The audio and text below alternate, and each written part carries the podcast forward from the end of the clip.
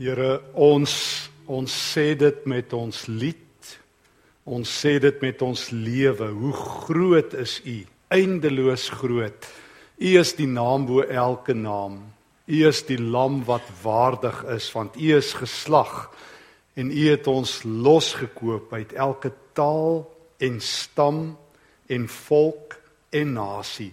En U het ons 'n koninkryk en priesters gemaak en ons sal oor die aarde heers aan U alleen kom toe al die lof, al die aanbidding nou elke dag vir ewig.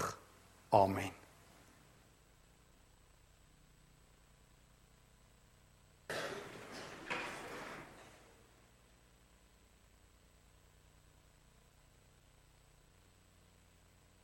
Dis 'n voorreg vir my om vanaand ook die Here se woord te mag deel. Dankie, dankie vir die mooi woorde Philip. Ehm um, altyd vir my 'n voorreg om by gemeentes te wees en en self te leer en self te ontdek en baie liefde te ontvang. Baie dankie. Ehm um, as jy ek net ietsie mag sê, as jy dalk wil inteken ook nog by ons e-kerk, daar is ek 'n kaartjies daarvoor by die boeke dink ek nog. Ehm um, dis alles gratis. Ehm um, ons is tans besig met so 'n Bybelskool op Openbaring wat jy elke week kan aflaai. Ek dink daar's al so 5000 mense wat dit aflaai. Ehm um, so 22 weke, so elke week 'n 10 minute video en al sulke lekker dinge. Mag die Here vanaand se woordverkondiging seën en mag ons beleef hoe dit is om um, in 'n wêreld soos hierdie 'n Christen te wees. Ek gaan so 'n bietjie die tekste verander en ek wil graag vanaand uh saam met jou by 10 dinge stil staan oor hoe om 'n Christen te wees in 'n nie-Christen wêreld. En ek wil iets ek wil graag begin met maar my eie persoonlike belewenis. Um Die Here se roetes moet my vat my maar na plekke toe waar ek elke keer uitgedaag word. Die Here uh, het 'n manier om my nooit in 'n geriefsone te hê nie en ek is altyd so half uit op my voete en moet dink waar ek is en moet uitwerk hoe dit is om 'n Christen te wees in sulke plekke. Ehm um, En met name moet ek so bietjie in die buiteland bly en, en nou en dan vir so 'n maand of 2 'n jaar in Holland en bietjie in Australië en op ander plekke. En die afgelope 8 jare eh, wat ek dit nou al reeds doen, het ek een uh ek wil nie sê ontstellende nie, maar ek het een groot ding agtergekom. Dat meeste Christene in hierdie era waarin ons lewe en dit sluit jou en my in is gebore in Jerusalem, maar die wêreld het verskuif na Babylon. En ons is nie gebou of voorberei of gerad of gereed vir 'n nie-Christen wêreld nie. Die wêreld waarin baie van ons gebore is en opgegroei het, was 'n veilige Christelike wêreld. Die kerk was in die middel. Die kerk se opinie het saak gemaak. As die sinode en die leraars gepraat het, het mense geluister. Nou ehm um, luister niemand. Die kerk is op die rand. Nou en dan sal iemand nog aandag gee. Die kerk het hoogstens nog nuuswaardige funksies as hulle nou stry oor hulle sake en dit al die koerante, maar verder is die kerk ehm um, op 'n syspoor. In Holland as jy sê jy's 'n Christen, frons mense. Uh, ek onthou toe ek so jong ouetjie was op skool En daai mense wat so 2-2 rondgeloop het by ons deur geklop het. Die Hoewa getuies. Ek weet nie een het gepraat, ek weet nie wat het die ander een gedoen nie. Ek gedink dit was padkos vir die een wat praat. Maar hulle het ehm um, dan het my pa vir my altyd gesê my kind is snaakse mense. En dis nou hoe mense dink uh, in Europa en toenemend in Suid-Afrika oor gelowiges. Die wêreld het geskuif van 'n Christelike na 'n post-Christelike wêreld selfs 'n Christen vyandige wêreld waar jy in Europa en dit sal al hoe meer in Suid-Afrika gebeur selfs jou werk verloor as jy jou geloof by die werk uitbasyn dat dit mense se regte sou skend ensovoorts. Ek self is tans um, aangekla by die ombudsman uh, van Suid-Afrika. Ek het 'n rubriek um, al vir 15 jaar van Dinsdae tot Saterdag in die koerant daar by ons die beeld En ehm um, Atheus het my aangekla en die ombudsman het nogal gewig. Die beeldse redakteur het my nou die dag laat weet omdat ek in een van die artikels gepraat het oor lewe na die dood en hy sê ons die beeld versprei vals nuus, fake news want ons kan dit nie bewys nie. So ons is in 'n wêreld waar mense sê as ek van jou verskil, maak ek jou stem stil. Daar's net hierdie ateïste, net hierdie ouens en as dit met my regte bots, wil ek jou nie hoor nie. Hoe is 'n mens 'n Christen in Babylon? Ek kom agter En ek sê dit met groot versigtigheid want dit is nie in alle gevalle waar nie. Maar ons word groot en is reg. Hoor my nie verkeerd nie. Ek moet dit versigtig sê want ek dit kan verkeerd gehoor word. Ons word groot in 'n Christelike milieu. Baie mense verkies selfs om hulle kinders in Christenskole te sit en die volgende oomblik los jy hulle in die wêreld. Dan is hulle ewe skielik groot. Dan stap hulle by universiteit in en 'n professor sê ek glo niks van die Bybel nie. Ek glo in die groot knal, die Big Bang. En dan sit daai Christene met tande vol monde en monde vol tande en hulle weet nie wat om te sê nie. Want hulle is nie voorberei vir so 'n wêreld nie. Of jy stap by die werk in en daar's mense van ander godsdienste en jy het nie idee nie en ewe skielik wonder jy wat gaan aan.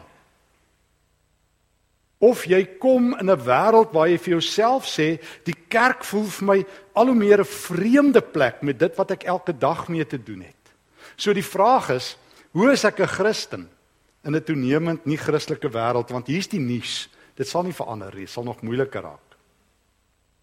As ek elke keer in Holland is, dan sien ek sê ek vir my vrou, ek sien wat lê vir ons voor in Suid-Afrika. Weet jy in Holland, ek het dit al eers geskryf, maar in Holland, verlede jaar was daar 'n studie by die Vrye Universiteit in Amsterdam wat sê een uit elke 4 Hollanders is nou ateëste. En net 18% Hollanders glo nog. Ehm um, die teoloog daar in Nijmegen by Radboud Universiteit waar ek werk, um, een van die teoloë, publieke teoloog Pieter Nissen, hy praat van die Hollanders het 'n geloof wat hy noem ietsisme. Hulle glo in iets. Nie ons glo in een of ander krag, ons glo in iets, maar hulle kan nie eens dit definieer nie. En en ek vermoed ons sal moet aanvaar. En nou kan ek op 'n hoop gaan sit en soos wat my ouma al vir my gesê het toe ek op laerskool was, my kind, waar gaan alles heen?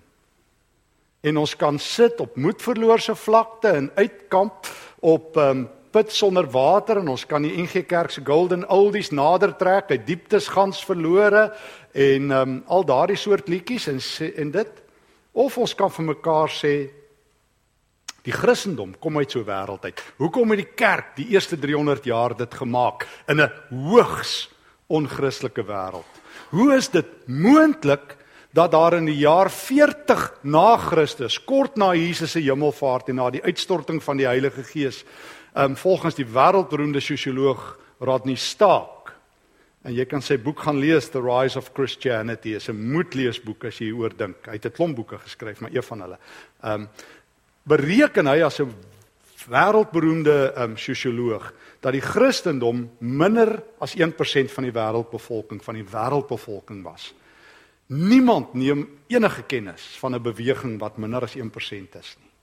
En teen die jaar 350 310 jaar later 56% van die wêreldbevolking was. As 'n sosioloog sê hy dit is onverklaarbaar massief die beweging wat die vroeë kerk in die wêreld ingevat het.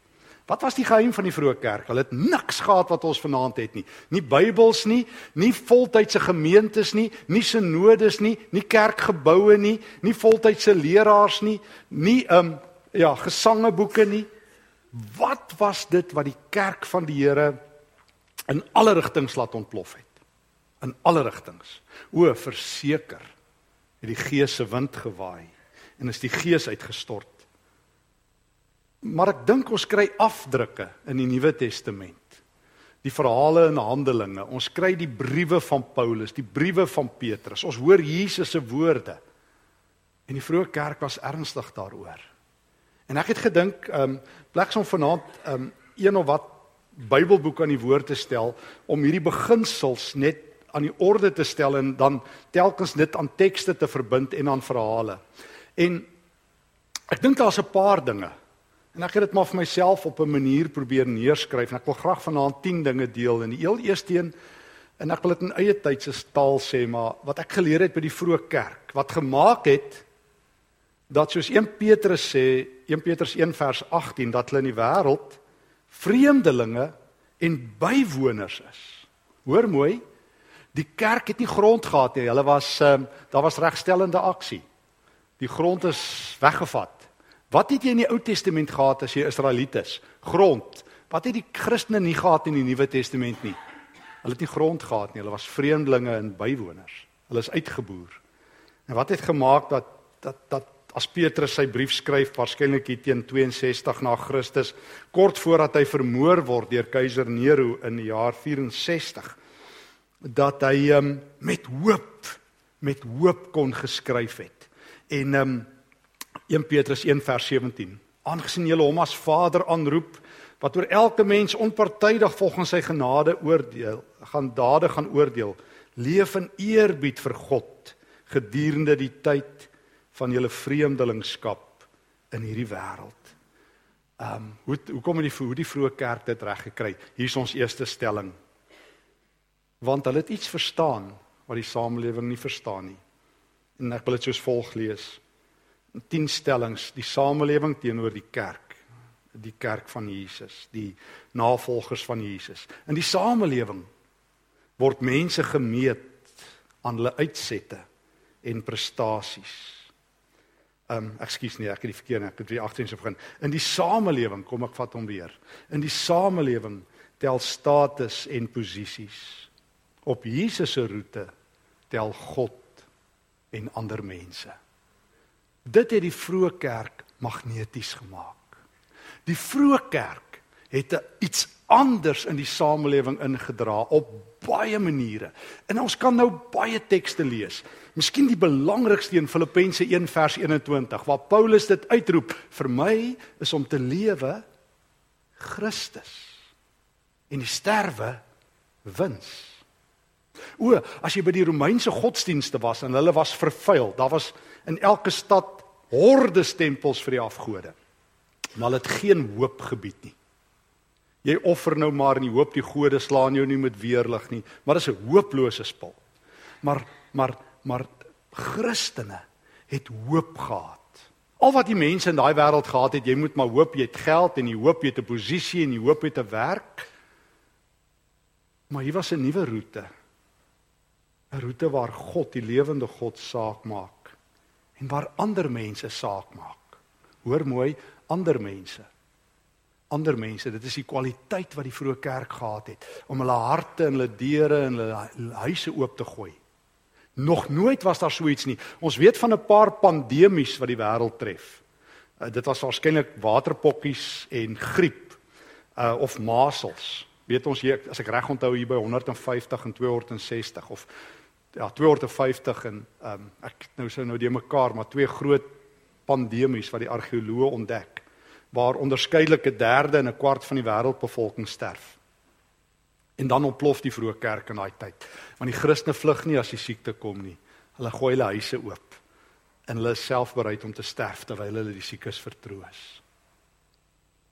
En dan dink ek, ehm, um, nou die dag toe ek aan Holland was en ons loop daar deur 'n kerk en ewe skielik sien ek een van die moderne heiliges se gesig. Ek praat graag oor hom. En toe onthou ek dat dit ook in die 20ste eeu en in die 21ste eeu nog steeds dieselfde is. Jy kry hierdie stem nie stil van Christene wat in mense belangstel en bereid is om vir mense hulle self te gee nie. En ek praat van Maximilian Kolbe. Ek weet nie of jy al van hom gehoor het nie. Ek het al baie oor hom geskryf omdat hy my so aangryp. Maximilian Kolbe sterf in uh, op die 14de Mei 1941 in Auschwitz weet nie of jy veel al van gelees het nie. Hy sê van die min Christene na my wete van 'n handjie vol wat as 'n Christen in Auschwitz sterf. Hoekom? O, hy's 'n priester, hy's 'n Rooms-Katolieke priester wat hoor hoe die nasies die Jode vermoor en in Tsjechië daai tyd in sy klooster steek hy, ek dink 2000 priester uh, kato, uh Jode weg. En die Jode hoor uh, die is nou heeltemal die mekaar en die nasies hoor daarvan. En hulle arresteer hom. Hulle sê o, so jy wil soos 'n Jood lewe? Nou gaan ons jou soos 'n Jood behandel. En hy beland in Auschwitz. En hulle behandel hom ekstra wreed want hy is ehm um, hy is 'n uitverkoper van die nasies glo hulle. En op die 4de Mei 1941 ontsnap mense uit Auschwitz. Later agtergekom dit was nie so nie, maar hulle vermoed so En die reël in Auschwitz is jy kan gaan. Dis reg, jy kan ontsnap, jy kan gaan. Ons maak 10 mense in jou plek dood. So jy het geweet, as jy gaan, 10 mense sterf in elk geval omdat jy ontsnap. En dit is toe sodat die kampkommandant, 'n man met die van Fritz, almal bymekaar roep en willekeurig kies hy 10 mense. En dan word hulle op 'n hongerstaking gesit om uit te honger. En een man val voor hom neer, 'n Jood met die naam Francis Chekajowiczek, as ek dit reg uitspreek. En hy smeek en hy sê ek het 'n vrou en kinders, wees my genadig en die kampkommandant lag hom af. In die volgende oomblik steek iemand sy hand op en sê kan ons plekke ruil. Maximilian Kolbe in die plek wat die Joodse filosowe noem die hel wat reeds aangebreek het Auschwitz. Die hel waar waar God nie is nie volgens hulle. Ek onthou een van die filosowe wat geskryf het hoe 'n man op 'n dag terwyl hulle daar staan uitroep: "Waar is God?" Toe sê hy: "God is nie hier nie, ten minste weet ons." Maar toe is Jesus se man daar. Die een man in Auschwitz wat Jesus ken, ruil plekke met die Jood. Onthou jy wat het Jesus gedoen self ons Here? Toe die volk geskree het, um, Barabbas um, of Jesus, toe kies die volk vir Jesus, toe ruil Jesus ook plekke. Onthou jy dat toe jou lewe, jou siel op die spel was, het Jesus ook gesê, mag ons plekke ruil? Onthou jy hy het vir jou plek gevat? Dis die evangelie wat die vroeë kerk magneties gemaak het. Dat Jesus wat plekke ruil, kolbe geïnspireer het en toe sê hy, mag ons plekke ruil. Die kampkommandant sê hy's mal, hy sê kan ons plekke ruil. En toe beland hy saam met 9 Jode in die dodesel waar hulle uitgehonger word en vir 9 dae tot en met die 14de Mei 1941 en een na die ander sterf hulle. Hy oortuig een van die wagte een aand om vir hulle klein bietjie wyn en brood te bring. O, Jesus is in Auschwitz. En hy breek brood en hy gee wyn. En hulle en hy lei hulle na die Here Jesus toe. 14 Mei 1941 is net hy oor. Kampkommandant is briesend en hy sê vir die kampdokter: "Trek 'n naald vol suur, spuit dit in sy arm." En hulle doen dit en dit is die einde en hy word in die oonde gegooi van Auschwitz en hy's verby. Ek onthou altyd, miskien het julle dit al sien hierdie skilderye van Jehuda Bacon, snaakse van vir 'n Jood. Ehm um, wat ehm um, ook in in Auschwitz hy hy was in Auschwitz en dis nou nog in die Yad Vashem museum daar in in Jerusalem. Sy sketse waar hy teken hoe hy sy eie pa want die as wat uitgeblaas het by Auschwitz was so baie van die mense wat hulle brand en dan die dan moes hy Jehuda bykin moes hy dan hy en die ander ouens die as vas stamp om pad te maak. Dis eintlik die dooie mense se as wat so reën met hulle pad gebou en dan teken hy sy eie pa in die as. So aangrypend. In elk geval en dan sterf hy en almal vergeet niemand sou geweet het van hierdie held van Jesus nie. Behalwe dat Gajowiczek bly leef het, ek dink tot Maart 1995 die man met wie hy plek geruil het. En daarom weet die hele wêreld van 'n uh, eh, kolbe. Tweedens, en dit is hoe die wêreld van Jesus hoor. Dis hoe Christene 'n verskil maak met hoop. Wanneer jy in Auschwitz die enigste Christen is, dan leef jy nog steeds die Jesuspad. Dan kompromiteer jy nie, dan sê jy Jesus se man is in die huis. Al is jy die laaste ou in die laaste straat in die laaste straatblok, die laaste ou by jou kantoor, die enigste ou in jou familie, die laaste Christen in Holland, Jesus, ek sal aanmeld waar u is. Tweedens. In die samelewing smag mense na mag en erkenning. Op Jesus se pad gee sy volgelinge graag erkenning aan ander. 'n Ander woord daarvoor is nederigheid. Mense is vol van hulle self, hoogmoed wen. En Paulus skryf in Filippense 2 vers 4, hy sê die een moet die ander een hoër ag as homself. Ek sê altyd in Engels, God cannot paint on a proud canvas. God is die groot kunstenaar, maar hy kan niks doen met my as my hart trots is nie. Want die plek is klaar vol. Maar die vroeë kerk was leeg. Hulle het Jesus gehoor in Markus 10 en in Markus 9 en um, in Lukas 22 dat die wat eerste is, laaste sal wees en die wat groot is, klein sal wees en die nuwe taal waarmee Jesus sy kerk benoem het, slawe en knegte. O, dit is my so tragies dat die woord um bediende vandag 'n politieke term in Suid-Afrika is. Dis die gunsteling term waarmee Jesus sy mense benoem het. Julle sal my bediendes wees. Vandag sê ons nie ons het net bediendes in ons huis. Ons moes almal die bediendes van Jesus gewees het. Die vroeë kerk was die bediendes van Jesus. Derdens, in die samelewing kompeteer mense om die beste plekke en posisies. Op Jesus se roete staan mense plekke af aan ander. Dis presies Markus 10 vers 43 tot 45. Wanneer Johannes en Jakobus aandring, hulle wil graag die twee beste sitplekke in die hemel hê. Hulle wil nie 'n kruis hê nie, hulle wil net 'n kroon hê. Al Here Jesus, hulle as hulle almal bymekaar roep, al sy disippels, dan sê hy vir hulle moenie so wees nie, moenie soos by die nasies wees nie. Hulle speel baas. Hulle wil wen. My kerk sal anders wees. My kerk sal nederig wees. Eerste sal laaste wees en laaste eerste. En voor agter en agter agterste voor. En bo onder en onder onderste bo. En kinders sal groot wees en groot mense sal weer klein wees. En mans sal hulle vrouens diens en dien en vroue hulle mans. En en harte sal weer oop wees. Daar sal 'n nuwe gees wees en die wêreld sal sê soos wat hulle vir Paulus sê in Handelinge 17 as hy in Tessalonika is, hierdie Christene draai die wêreld kop onderste bo. Van die Engelse vertaling sê dit reg, they turn the world upside down. Christene is so vreemd. Hulle het 'n nuwe Here. Hulle staan plekke af.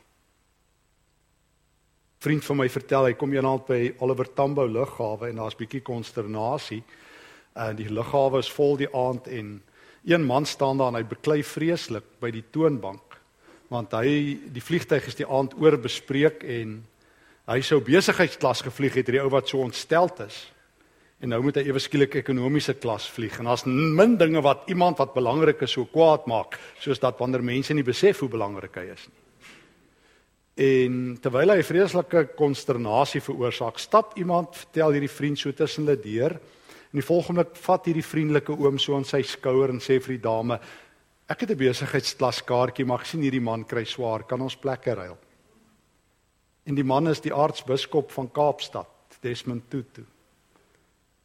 Die aarts homself kom en die man skrik om dood toe hy die beroemde Desmond Tutu sien en sê nee dit kan nie en Desmond Tutu sê sê ek sien jy's ontstel vanaand sal ek in die ekonomiese klas vlieg en jy het my kaartjie Of jy nou plekke ruil op Oliver Tambo of jy in Auschwitz plekke ruil, Jesus het met jou plek geruil en as jy dit weet, is die evangelie magneties al bly jy in 'n postchristtelike wêreld, al bly jy waar. Niemand is liefdesbestand nie.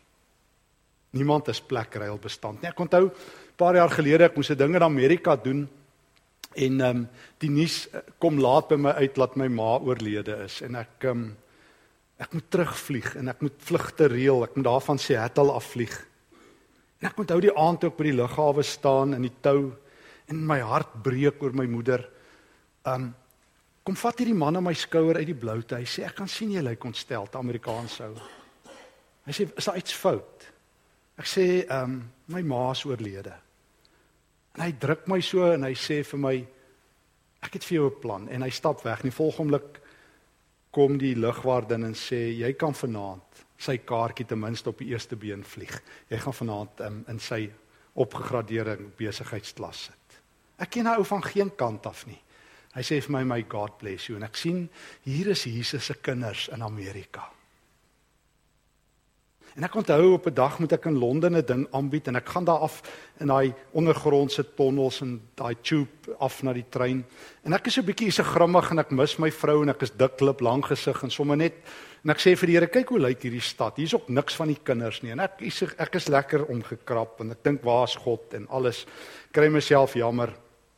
En ehm um, ek onthou soos die mense daar op die tube sit roltrap af hardloop. sien ek daar's 'n tannie met 'n tas en ek dink ouer dame moenie met sulke groot tasse loop nie. Hulle is of haar uit die pad uit hardloop en die mense stamp al dat ou tas so draai en ek kry die tannie jammer, maar sy's toer onder. En ek sien hoe kom so jong ou verby vinnig en toe hy die tannie sien toe breek hy. En hy vat daardie tas en hy tel hom op en hy sit hom vir aan die tube en hy tel die tannie in en ek dink, "Sjoe, dit sou seker nogal 'n Christen wees." In elk geval ek vergeet nou, is die trein vol, ons staan en ek toe ek so staan en ons koppe so te mekaar en ek sien maar dis hierdie ou wat ek gesien het wat die tas vat. En ek sien hy lees en soos die trein wieg sien ek hy lees 'n Christelike boek, sommer so in die trein. Ek sê, "Sir, are you a Christian?" Hy sê, "I follow Christ." En ek sê, "Here, ekskuus, ek kry so skaam."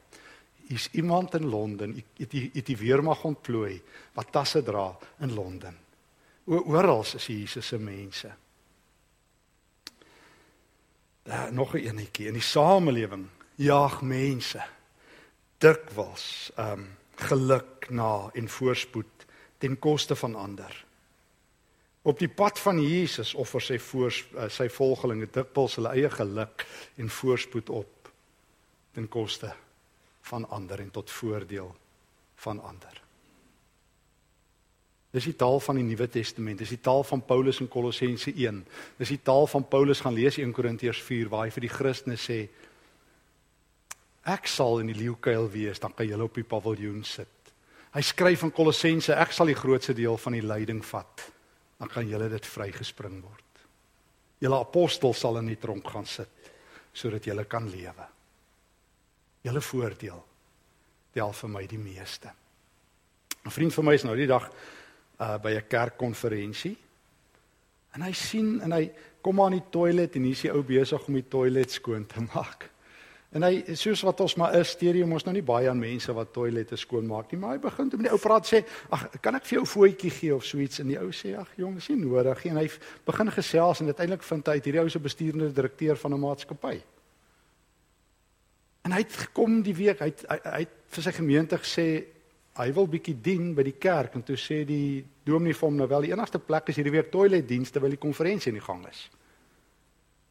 En toe sê hy nee, dis reg. Die ou hardloop 'n groot maatskappy. En dis my pragtig. Dis die evangelie tot voordeel van ander. Maak nie saak wie jy is nie. In die samelewing maak mense graag 'n naam vir hulle self. Op Jesus se pad gaan mense uit hulle pad om ander mense se naam te beskerm. Ons het al vir mekaar sê by oggendgroep ook gesê wat is die basiese beginsel in die reg? Die basiese beginsel in die reg, jy moet jy's onskuldig totdat jy bo redelike twyfel skuldig is. Baie kerkmense wat ek ken, gun mekaar nie eens die basiese regsbeginsel nie. As jy Facebook lees, mense versprei enigiets oor enige Christen sonder om eers te vra, sê nou maar net daai ek is dalk verkeerd en daai persoon is reg.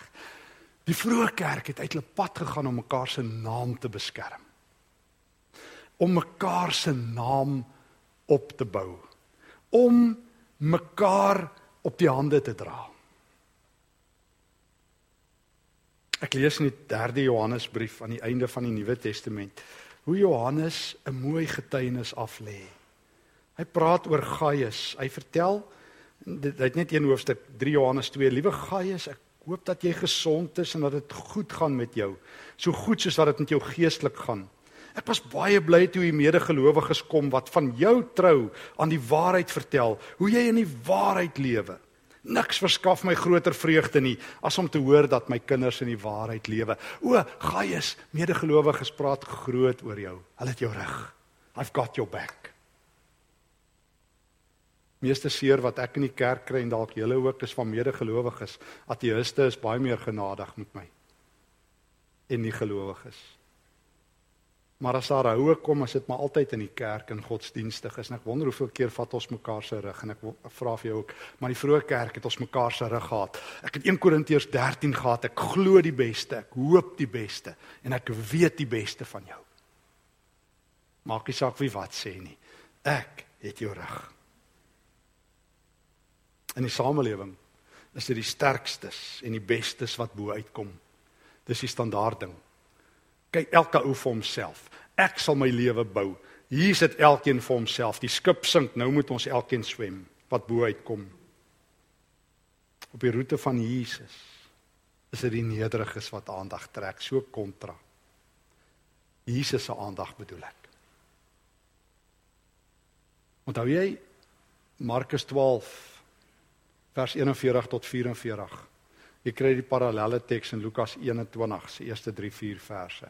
Jesus staan by die skatkis van die tempel, dis die Dinsdag voordat hy gekruisig word. Laatmiddag sy op pad uit om daar teen die berg op te gaan, die Olyfberg. En voordat hy uitstap, stap hy by die tempel se skatkis verby.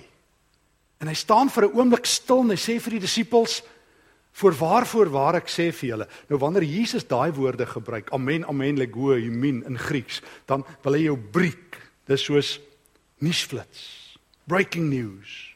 Gee aandag. Hier is 'n leer oomblik. Dis is 'n teaching moment." Hy sê kyk na daai vrou. Nou kyk die disippels, ja, Jesus sê sy het pas die meeste ooit gegee in die tempel. Sê nee, sy het nie, Here. Ons het nie eens gehoor hoe val die geld nie, want onthou daai dae het jy het jy sulke munte en jy hoor mos die ouens wat baie geld gee, val so lekker klonk, so lekker hard, weet jy, daai ouens het nou weer baie vir die kerk, vir die tempel gegee. Hierdie vrou sê Jesus het twee kwadrantes gegee. Enkele sente. Maar Jesus sê sy het uit haar gebrek gegee. O, en dit registreer in die hemel nederigheid registreer. Nederigheid registreer. Ek het nou die aand daarby, moes laasweek daar by Helderberg ook Pinksterhou, het ek ook vertel van die tannetjie wat my lewe verander het. Uh, ek weet nie wat sy naam nie, ek ken haar nie. Maar onthou ek was 'n jong dominee voordat ek by universiteit beland het daar in Benoni en ons het konferensie bygewoon en ehm um, waar beroemde ou gepraat het. En daar was hierdie tannie wat elke dag tee gemaak het. En sy was verskriklik oulik en vriendelik. En toe gaan sê een van ons ouderlinge vir haar dankie. Toe sê sy vir hom iets wat ek nooit sal vergeet nie. Toe sê sy, "Weet meneer, ek het net een talent by die Here gekry. Ek kan nie klere maak nie, kan nie kos maak nie, ek kan nie ek is nie 'n goeie huisvrou nie, maar ek het een talent, ek kan tee maak." En toe word ek maar die Here se tea lady. En ek maak by elke plek waar ek kan met die liefde van die Here tee. En toe weet ek die grootste in die koninkryk is nie op die verhoog nie, maar is daar by die teekanne. Daar's die daar's die mense wat Jesus se oog vang. Daardie oog van Jesus van Matteus 10 wat op die laaste dag sal sê en van Matteus 24. Ehm um, as jy jou nie skaam vir my nie, sal ek my nie skaam voor die engele nie. En en as jy getrou was in die geringste, sal ek jou aanstel oor baie. Dit hou die kerk op koers. In die samelewing is sukses sinoniem met geld en besittings. Dis vir my 'n tragedie dat meeste Christene dit glo. Ek onthou 'n paar jaar gelede, ehm um, het ek bedank as 'n voltydse professor by Tikkies. Ehm um, omdat ons gevoel het die Here roep iets nuuts in ons lewe en uiteindelik het ons vir 'n seisoen klein kerkie in Nieu-Seeland saam met een van my vriende gaan doen en gewag op die Here. En ek en my vrou het besluit ons gaan van niemand sê hoekom ons dit doen nie want dit is irrasioneel. Maar uiteindelik na die die 110ste ou vir my vra nou maar hoekom doen julle sê vir ons wat is die eintlike rede? Het jy 'n midlife crisis? Was dit nou die hijack of wil jy nou pad gee oor die misdaad? Ek sê nee man, ek het bevordering gekry. Jy sê o, jy doen dit vir die geld. Ek sê hoekom dink jy as 'n Christen as die woord bevordering kom aan geld? Hoekom dink jy nie die Here wil Stefan iets nuuts leer nie? Dat die Here vir hom lig na 'n plek van totale afhanklikheid en van wag op die Here en hom in 'n woestyn sit om hom te strip van al sy arrogansie en hoogmoed. Dink jy nie die Here het 'n afspraak om bevordering by die Here? Ek het by Morletta Park se jeugdiens eendag so 'n preek gehad en sê die meeste mense uh ly lang hy vir drie dinge. Wat hulle ry, waar hulle bly en wat hulle kry. En toe sê jy van die jong mense hoe hulle vry, dis die vierde een. Um maar feit is dit's vir meeste mense die som totaal van hulle lewe. Vertel iemand nou eendag vir my, jy weet my kind het nou so vooruit gegaan, hy kry nou so baie geld. En toe maak ek die opmerking, ek ken 'n jong ouetjie wat toe nou sy beroep gelos het.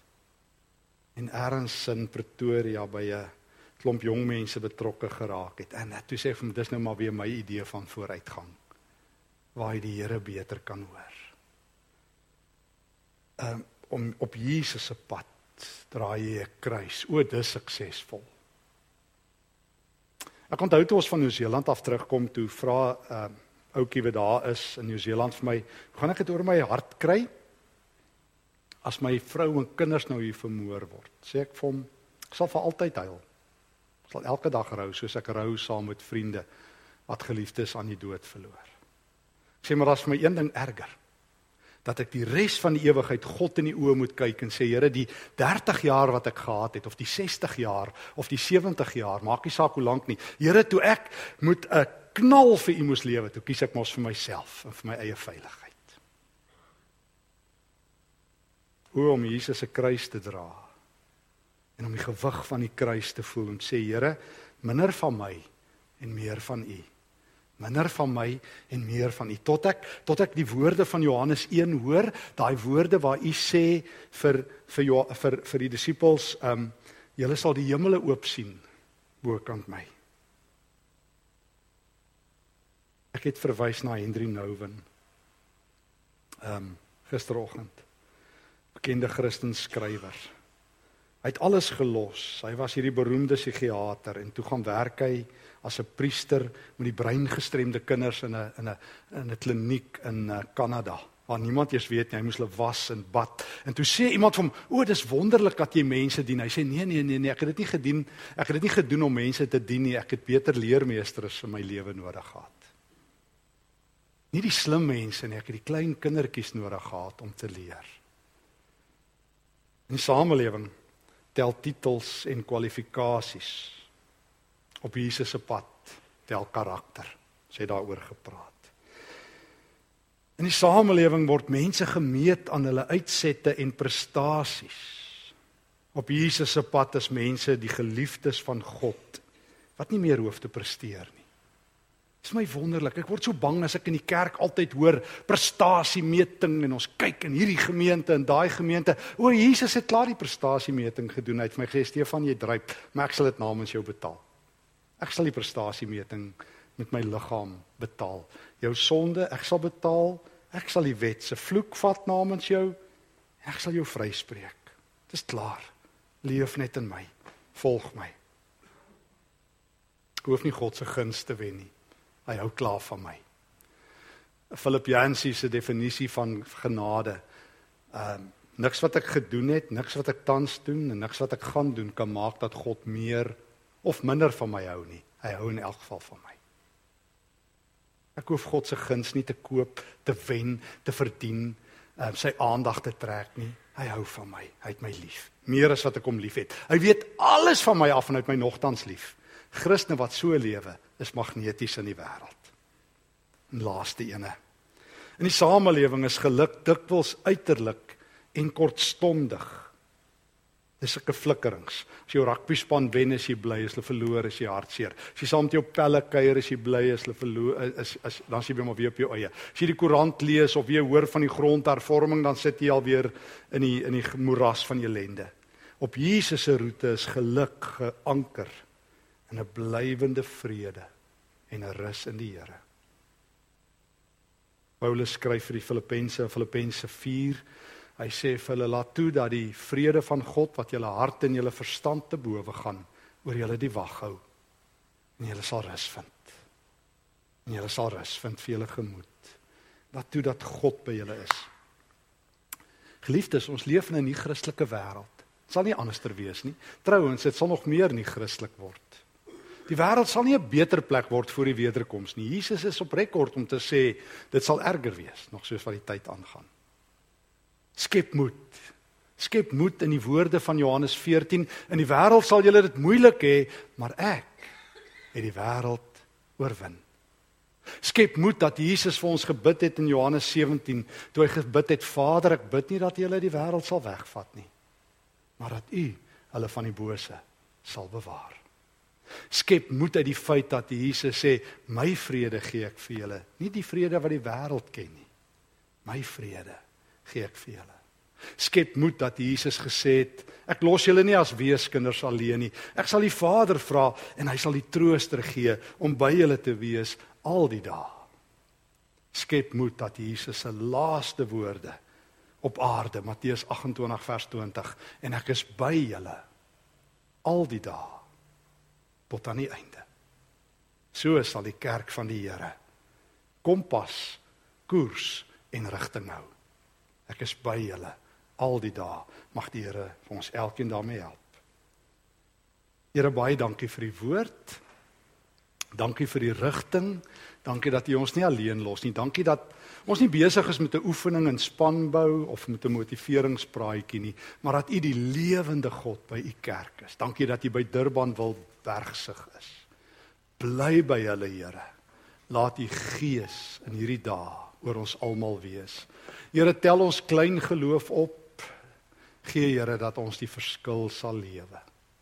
Here dat ons die kerk sal wees wat magneties mooi is. Die lig in die donker die stad bo op die berg. Vul ons opnuut met die Heilige Gees in Jesus se naam. Amen.